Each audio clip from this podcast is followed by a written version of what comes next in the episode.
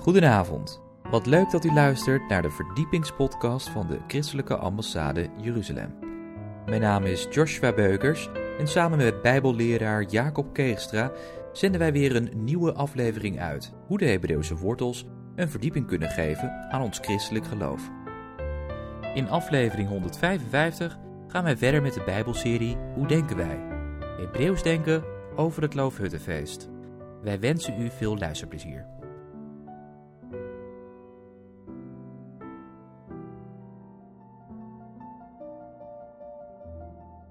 Oké mensen, welkom op deze vijfde ronde van Hoe denken wij? We hebben al een aantal thema-ochtenden gehad. En welkom niet alleen de mensen hier in de zaal, maar ook via livestream, die het later via YouTube mogen zien. Mensen, we hebben het al een paar keer gehad over hoe denken wij het Hebreeuwse denken over. De eerste keer ging het over Hebreeuws denken vanuit de taal. Toen vanuit de natuur. Daarna Hebreeuws denken over de cultuur. En vorige keer hebben we het gehad over de feesten. En nu gaan we het specifiek hebben over het allergrootste feest. Slotfeest van alles. In de zevende maand. Het zevende feest. Het Loofhuttenfeest. Ik sta hier in Jeruzalem naast de Sukkah op het plein voor de klaagmuur, de Kotel. Op een heel uniek moment in de tijd. Want het is namelijk op het eind, de laatste dag van het Loofhuttenfeest.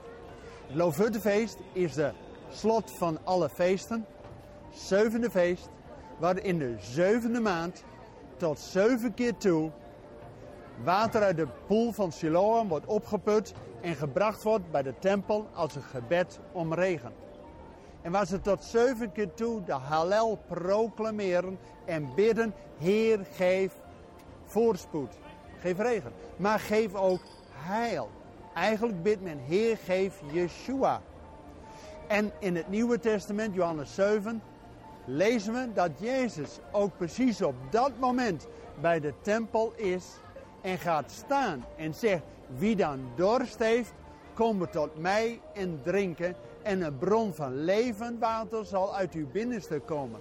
Dat profeteerde hij dat de geest komt voor een ieder die gelooft in hem. Dus de boodschap van Hoshana Rabbah, de climax van het Loofhuttenfeest, hier bij de westelijke muur van het tempelcomplex.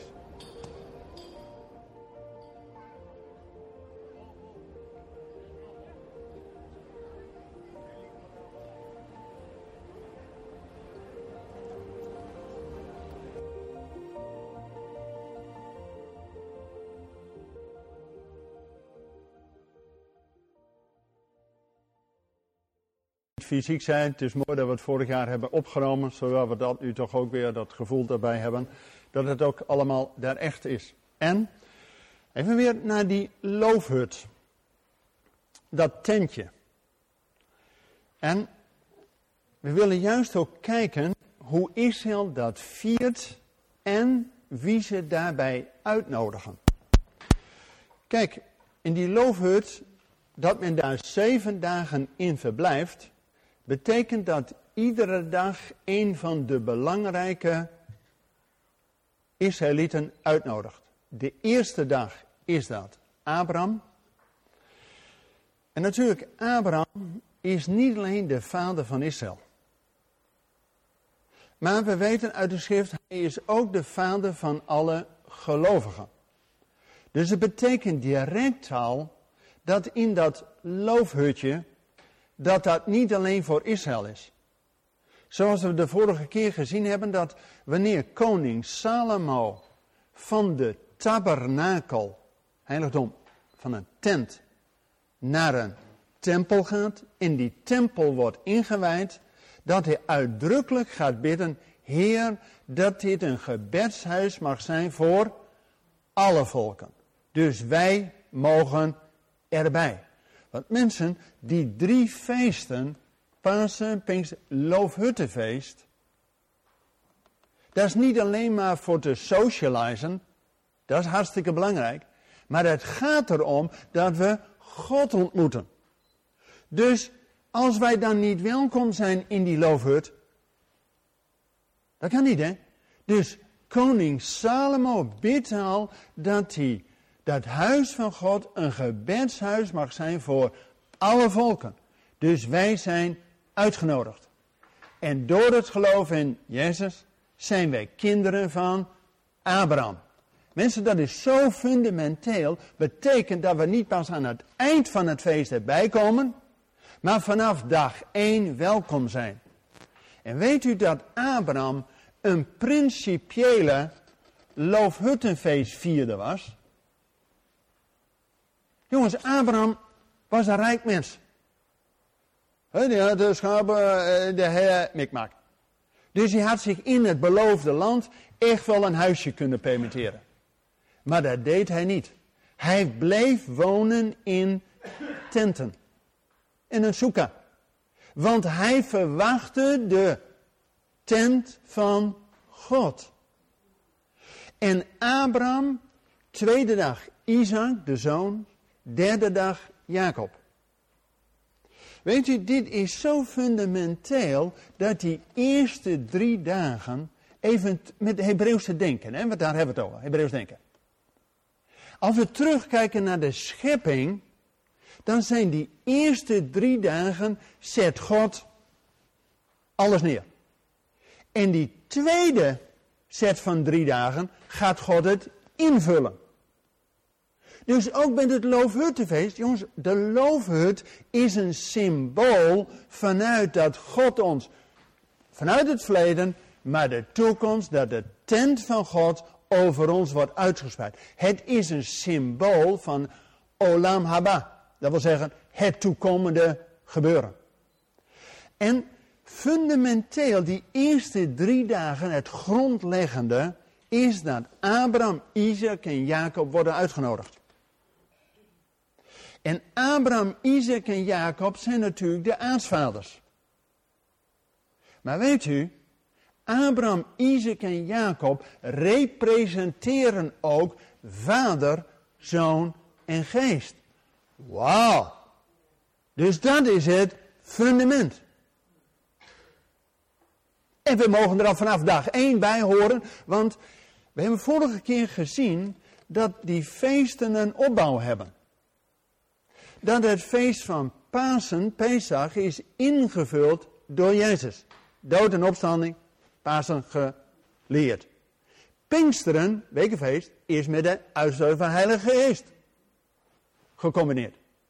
Maar we weten uit de schrift dat we door Jezus in één geest tot het hart van de Vader komen. Alleen in de kerken kennen we dat niet zo, want het feest van de Vader, het Loofhuttenfeest, is meestal onbekend. Tuurlijk, daarin nog profetisch voor ons, maar we kunnen vanuit Israël veel leren. Betekent dat wanneer we vanaf dag 1, wanneer Abraham wordt uitgenodigd, dat wij dan al, wij, geloven uit de volken, erbij mogen horen om te komen tot het hart van de Vader. Mensen, dat is het fundament. En dan dag 4, 5, 6 wordt het ingevuld met Mozes de vierde dag.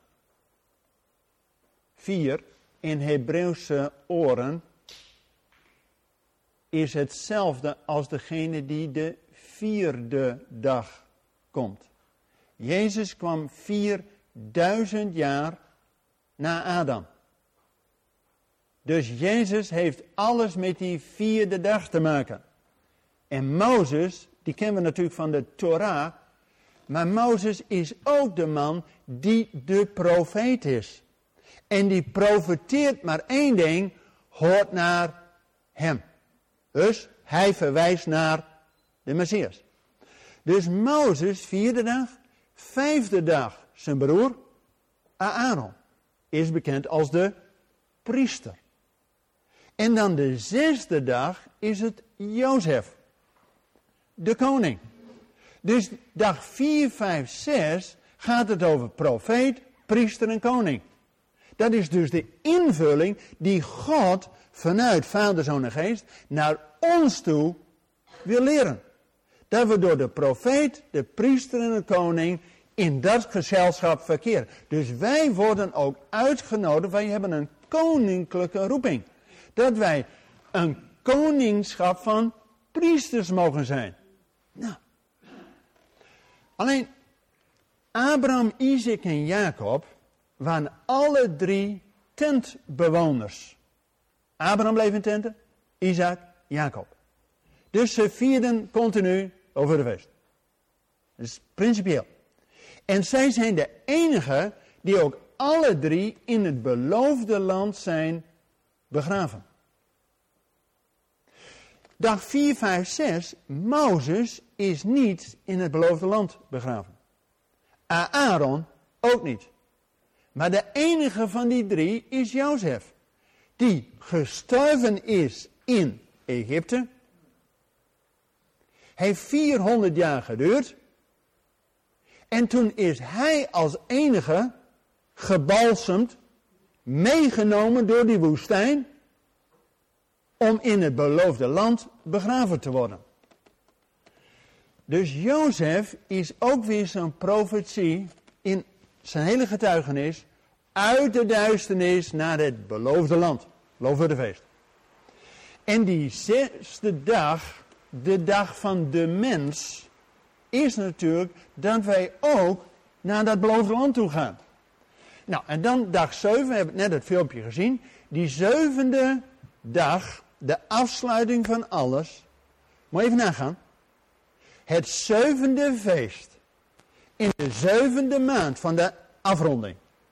Tot zeven keer toe dat men bidt om regen, om voorspoed. En ze bidden, och Heer geef heil. In het Hebreeuws bidden ze dus, och Heer geef Yeshua. En dan gaat Yeshua staan op dat moment, hebben we net gezien in het filmpje, en zegt wie dan dorst heeft, want ze bidden om regen, komt tot mij en drink in de bron van levend water zal u binnenstaan. Prima, hebben we vorige keer ook over gehad en in het filmpje.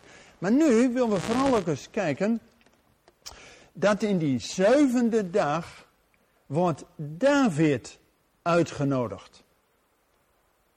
En we kennen David, die is profeet, profeteert, Psalm 110 over de Messias. Hij is die koning en die zegende mensen, priestelijk. Maar David heeft een diepere betekenis met Hebreeuwse oren. David, de naam David betekent geliefde. Jongens, daar gaat het om. Dat we dag 7 zijn we die geliefde. Daar, daar gaan we naartoe. Dus wij zijn niet zomaar bijwoners en vreemdelingen. We zijn mede huisgenoten, mede erfgenamen. En we krijgen zelfs een ereplek. Want we worden in die David liefde kinderen genoemd. Nou, zijn we nou welkom of zijn we nou welkom? Ja toch? Het is vreemd dat we in de kerkelijke traditie dit al 1700 jaar niet vieren. Maar de Bijbel zegt, en daar hebben we vorige keer ook over gehad, Zachariah 14, eenmaal zullen alle volken opgaan naar Jeruzalem om het Loofhuttenfeest te vieren. Maar ik wil nu nog met een paar andere teksten. Uit Gods woord.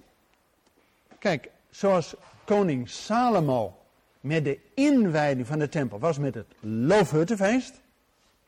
Maar daarna het volk ging niet altijd doen wat God had gezegd. Dus op een gegeven moment moest God zijn volk zelfs naar Babel sturen. Zodat het land zijn sabbatsjaren rust kreeg. Maar na zeven jaar komen ze weer terug. En met Esra, de schriftgeleerde, wordt de Torah weer voorgelezen tijdens het Loofhuttenfeest. Maar er is nog een andere tekst. En die staat in Haggai hoofdstuk 2. En dan moet je even op de timing letten. Er staat in de dus dat is ook een profeet van na de ballingschap.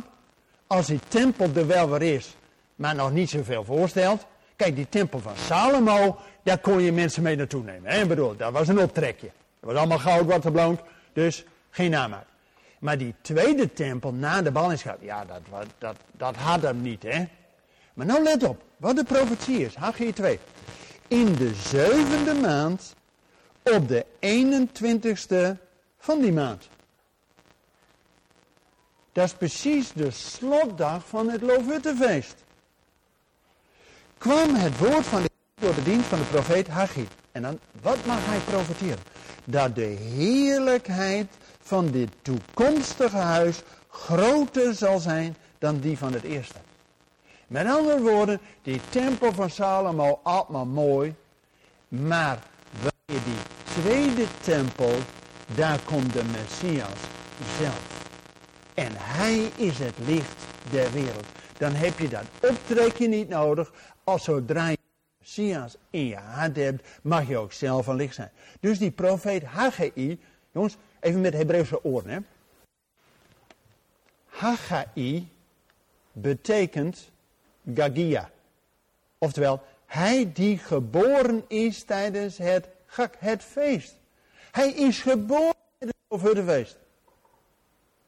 En hij profiteren op die slotdag van de loofhuttenfeest, dat de Shekinah-glorie, die toen met Salomo over die tempel kwam, dat de Shekinah-glorie nog veel groter zal worden dan toen met Salomo. Mensen, we hebben nu het digitale Loofhuttenfeest vanuit Israël meegemaakt.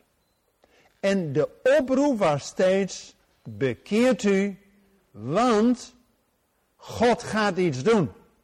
En met name dat de uiting van de Heilige Geest in de late regen niet alleen over die 120 komt, zoals bij Pinksteren, maar over het hele volk. Wauw. Maar dat betekent ook dat wij deze boodschap dus ter harte moeten nemen. Betekent dat God gaat die heerlijkheid nog veel groter maken dan ooit tevoren. En we lezen, je mag nooit op één tekst zomaar afgaan, maar er zijn tientallen teksten die over ditzelfde gaan, over herstel. Bijvoorbeeld in Amos hoofdstuk 9, en er staat op die dag zal ik de vervallen hut van David weer oprichten. Weet u nog, die David, die op die zevende dag, die slotdag, welkom werd geheten. Ook die vervallen hut van Israël, want David is natuurlijk de koning. Die vervallen hut van Israël, God gaat hem weer oprichten. En we zien dat dat in twee fasen gebeurt. Eerst dat er weer fysiek herstel komt. Nou, dat zien we nu. Na 1948. God is bezig om zijn volk weer bij elkaar te brengen. Maar we bidden dat ook fase 2 gaat gebeuren. Dat God met zijn geest komt. Zodat het de machtig leger van Godlovers gaat worden. Dan is het dus niet dat die soeka hersteld wordt. Maar dat het geestelijke soeka hersteld wordt. Want die, die, die, die tent is natuurlijk dat het dak niet uh, wel de timmer mag zijn. Die moet half open zijn. Zodat je God kunt zien en ook de bescherming van God. En het enige wat wij kunnen doen is God gaan loven en prijzen. En loven en prijzen betekent in het Hebreeuws Juda. Dus als Israël tot echte Judaërs, Judeërs wordt, dan worden ze Godlovers. Zodat ze ons gaan voorgaan in de lofprijzing. Nou, en waarom is dit nu ook zo van belang voor ons als gelovigen uit de volkeren? Als we in het slot van de Bijbel, openbaring 21, daar staat letterlijk, vers 3, en ik hoorde een luide stem uit de hemel zeggen, zie de tent van God, ook wel de tabernakel van God, dus waar God geloofd en geprezen wordt, is in de hemel. Ja, nu. Maar wat staat er in openbaring 21? En ik hoorde een luide stem uit de hemel zeggen, zie de tent van God is bij de mensen. En God zal bij hen wonen en zij zullen zijn volk zijn en God zelf zal bij hen zijn en hun God zijn. Mensen, dat is nu voor ons nog profetisch, maar we mogen door Israël leren hoe het gaat. Net zoals het Pesachfeest werd al 1400 jaar gevierd voordat Yeshua het ging invullen met het nieuwe verbond, Maar als Israël dat nooit gevierd had, had Jezus ook niet het avondmaal kunnen instellen. Want er was dan helemaal geen zedemaaltijd. Maar doordat Israël zich gewoon gehouden heeft aan Gods woord en Pesach ieder jaar gewoon vierde, en ook ieder jaar Loofhuttenfeest viert, mensen, dan is dat voor ons een basis om mee te doen. Weet u, toen de Christelijke ambassade in 1980 begon met het Loofhuttenfeest, en daarin ook als christelijke ambassade ontstond, toen vroeg men eerst aan de rabbijnen, hoe moeten we dat doen, dat Loofhuttenfeest? Nou, die rabbijn die legde van alles uit, maar wat hij zei was, het feit dat jullie als goyim het feest gaan vieren, en dus het Loofhuttenfeest, weet u wat dat voor hen is? Die rabbijn zei, het feit dat de volkeren het Loofhuttenfeest gaan vieren, daarin zien wij de eerste voetstappen van de komst van de Messias. Dus het feit dat we, hebben er jarenlang met, natuurlijk, dat we er fysiek met 7000 mensen naartoe gaan, nu was het digitaal, minstens 7000 mensen hebben het digitaal nu gezien, betekent dat we voorbereid zijn, natuurlijk, op die tekst van Zachariah 14. Alle volken zullen opgaan. Jongens, dat is gewoon Gods woord. Of ze nou willen of niet, het zal een keer gebeuren. En dat we lezen uit de openbaring 21, dat de tabernakel of de tent van God komt naar ons toe. En zal over ons zijn vleugels, zijn bescherming uitstralen. En er zal God bij ons zijn. Dat is de boodschap van Loofhuttenfeest. Maar ik wil graag mijn vrouw uitnodigen, want er is nog een toegift. Dus niemand de deur uit. God heeft een toegift aan Israël. En daar wil Henny iets over uitleggen. Zeven dagen. Maar het gekke is dat er nog eigenlijk een dag komt. En dat is Shemini Atzeret, dus de achtste dag. De achtste, Hebreeuwse oren, dat is de dag van de voltooiing. Nou, in Israël viert men dat, en dat is bekend als vreugde der wet. Israël, en dat gaan we straks eventjes kijken, want dat is heel belangrijk, is namelijk als Israël leest het hele jaar door de Torah. Op een gegeven moment komen ze dus op het eind. En wat doen ze dan weer? dan gaan ze letterlijk die hele Torah terugrollen. En dan begint men weer bij Genesis. En we willen nu kijken hoe men dat doet. Jacob en ik waren vorig jaar nog in Israël bij het Loofhuttenfeest bij een Messiaanse gemeente. En dan mochten we dit filmen.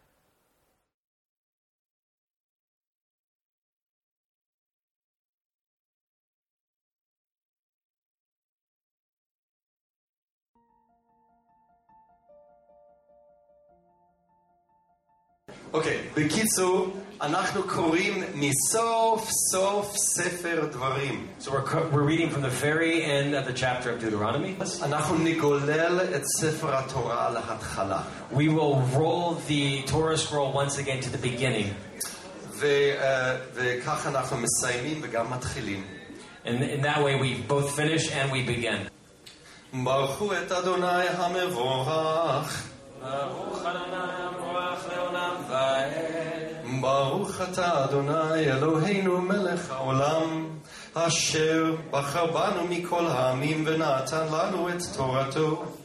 ברוך אתה אדוני נותן התורה. ליד החזקה ולכל המורא הגדול אשר עשה משה לעיני כל ישראל.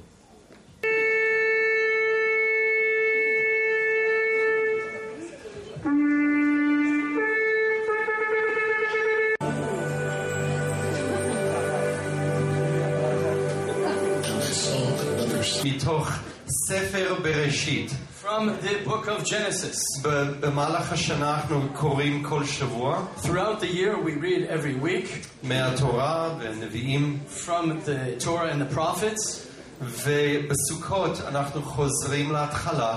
And on, during the Feast of Tabernacles we return to the beginning. לזכור שהוא הוא הביא אותנו לירושלים, to remember He's brought us to Jerusalem, לא רק להלל את שמו, not only to praise His name, לפאר את המשיח, to glorify the Messiah, אלא גם לאפשר לו but also to allow Him לעזוב את הדברים שהציקו והפריעו לנו בשנה שעברה, to help us leave behind all those things which were painful or troubled us from the last year ולקבל את הברכות שלו לשנה החדשה. and, and receive His blessings for a new year. בראשית ברא אלוהים את השמיים ואת הארץ, והארץ הייתה תוהו ובוהו וחושך על פני תהום. ורוח אלוהים מרחפת על פני המים. ויאמר אלוהים יהי אור ויהי אור. וירא אלוהים את האור כי טוב, והבדל אלוהים בין האור ובין החושך. ויקרא אלוהים לאור יום, ולחושך קרא לילה. ויהי ערב ויהי בוקר יום אחד.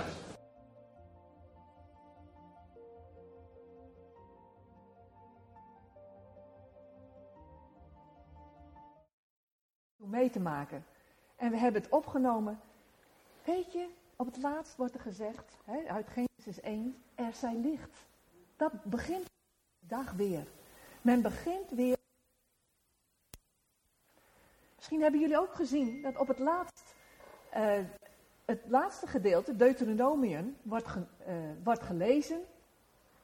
En dat werd door een nieuwe immigrant gelezen. was door een Ethiopische Jood, die dus al 20 jaar ongeveer in het land is. Ik vond het bijzonder. Heel bijzonder. En in Israël is het laatste woord in het Hebreeuws, dus niet in onze Nederlandse Bijbel, maar in het Hebreeuwse Bijbel is het laatste woord Israël. De laatste letter is een L, Israël. De eerste letter van het Genesis 1 is Bereshit, dus is een B. Als je de L en de B bij elkaar doet, is het lef. Je hart. En op die manier gaan ze constant door. Dat is het mooie van het Hebreeuwse denken. Dat is dat cyclische denken. Het gaat altijd door. Het afsluiten, maar tevens weer het nieuw begin. Ook dat kwam ook in het filmpje heel duidelijk naar voren. Het is dus vandaag vreugde der wet. Met de Torahrol danst men bij de kotel, maar ook in de synagoges. Dat is toch bijzonder? Ze hebben liefde voor Gods woord. Daar kunnen wij nog heel wat van leren. Hebben wij, ik, liefde voor Gods woord? Heb ik dat? Heb ik werkelijk, is dit voor mij het alles? Dat is mijn verlangen. En tegelijkertijd weet ik het, dat het niet altijd zo is. Maar toch is dat mijn verlangen.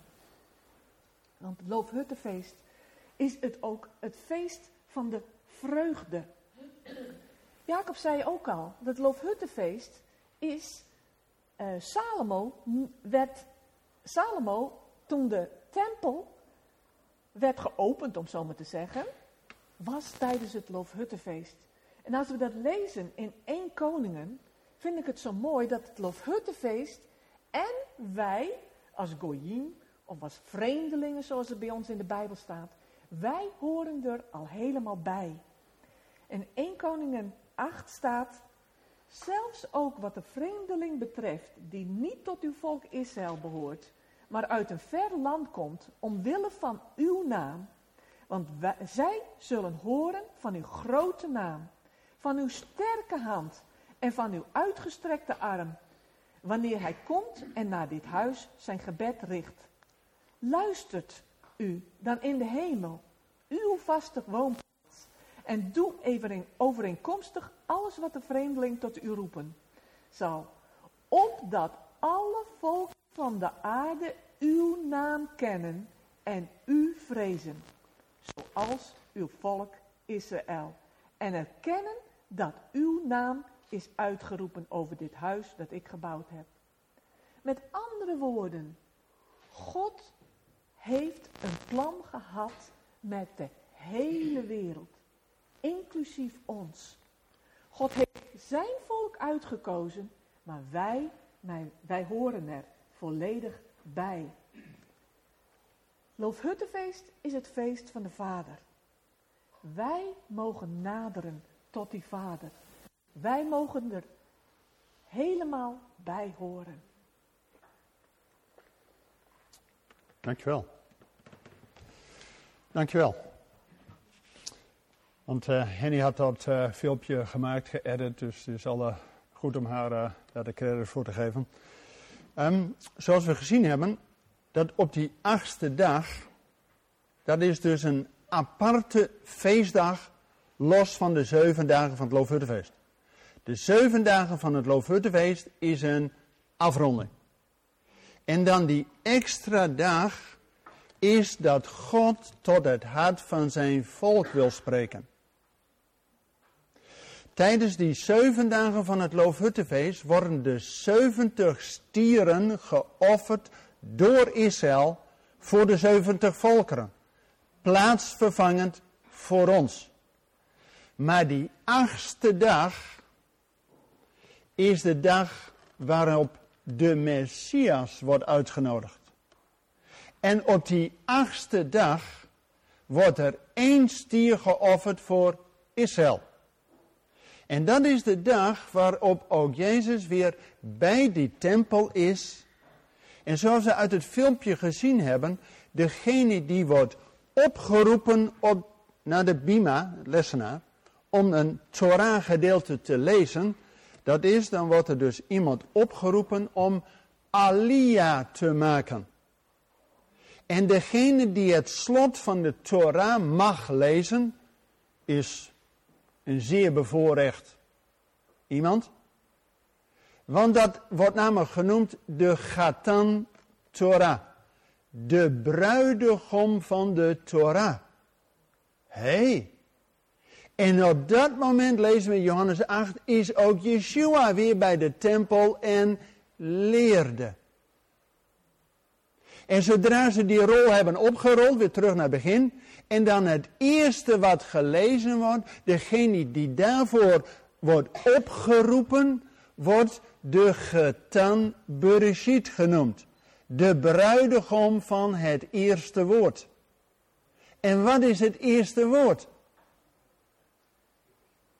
Wat God zegt is, en God zeide, er zij licht. En dat is precies wat ook Yeshua dan doet, Johannes 8 vers 12, waar hij zegt, ik ben. In naam van de Vader zegt hij, ik ben het licht der wereld. En op die achtste dag, en dat lezen we ook al bij koning Salomo, dan gaat het volk weer naar huis. En koning Salomo gaf het volk brood en wijn en vlees mee. Leef toch voor onderweg. Zo, hij wou ze niet met lege handen terugsturen. En zo is ook Yeshua die op die Shimcha Torah, wanneer hij het levende Torah is. Mensen, hij heeft al zoals Israël blij is met Gods woord, zijn wij ook zo blij met het levende woord. Zoals Israël met Pinksteren die Gods Torah, zijn huwelijksgeschenk, op twee stenen tafel krijgt, zijn wij ook zo blij dat Gods geest in ons hart is. Net zoals Israël met het loofhuttenfeest danst met het woord. Hoe vreugdevol zijn wij met het levende woord. Ja toch? En wij hebben het loofhuttenfeest niet eens gevierd. Mensen, dit is een oproep om Gods woord erin serieus te nemen. Want alles wordt vervuld met de heilsfeiten tijdens de heilsmomenten. Pasen, Yeshua. Pinksteren, Heilige Geest. Maar het gaat naar het feest van de Vader. Jongens, we zijn op rit. Niet om hier maar wat in coronatijd wat uh, uh, te blijven. Nee, we hebben visie.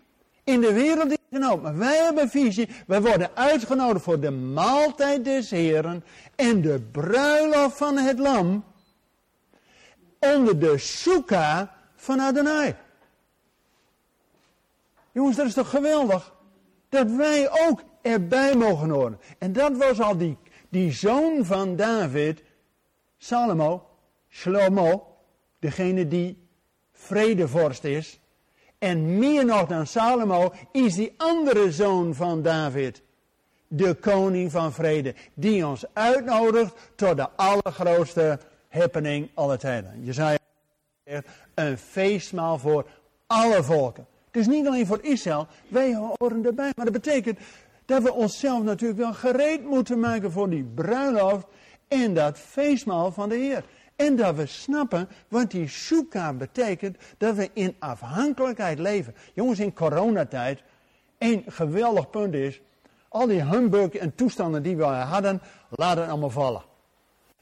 Dat we nu gewoon afgestemd zijn op wat God van ons wil. Zodat we in zijn woord mogen en in zijn wegen mogen wandelen.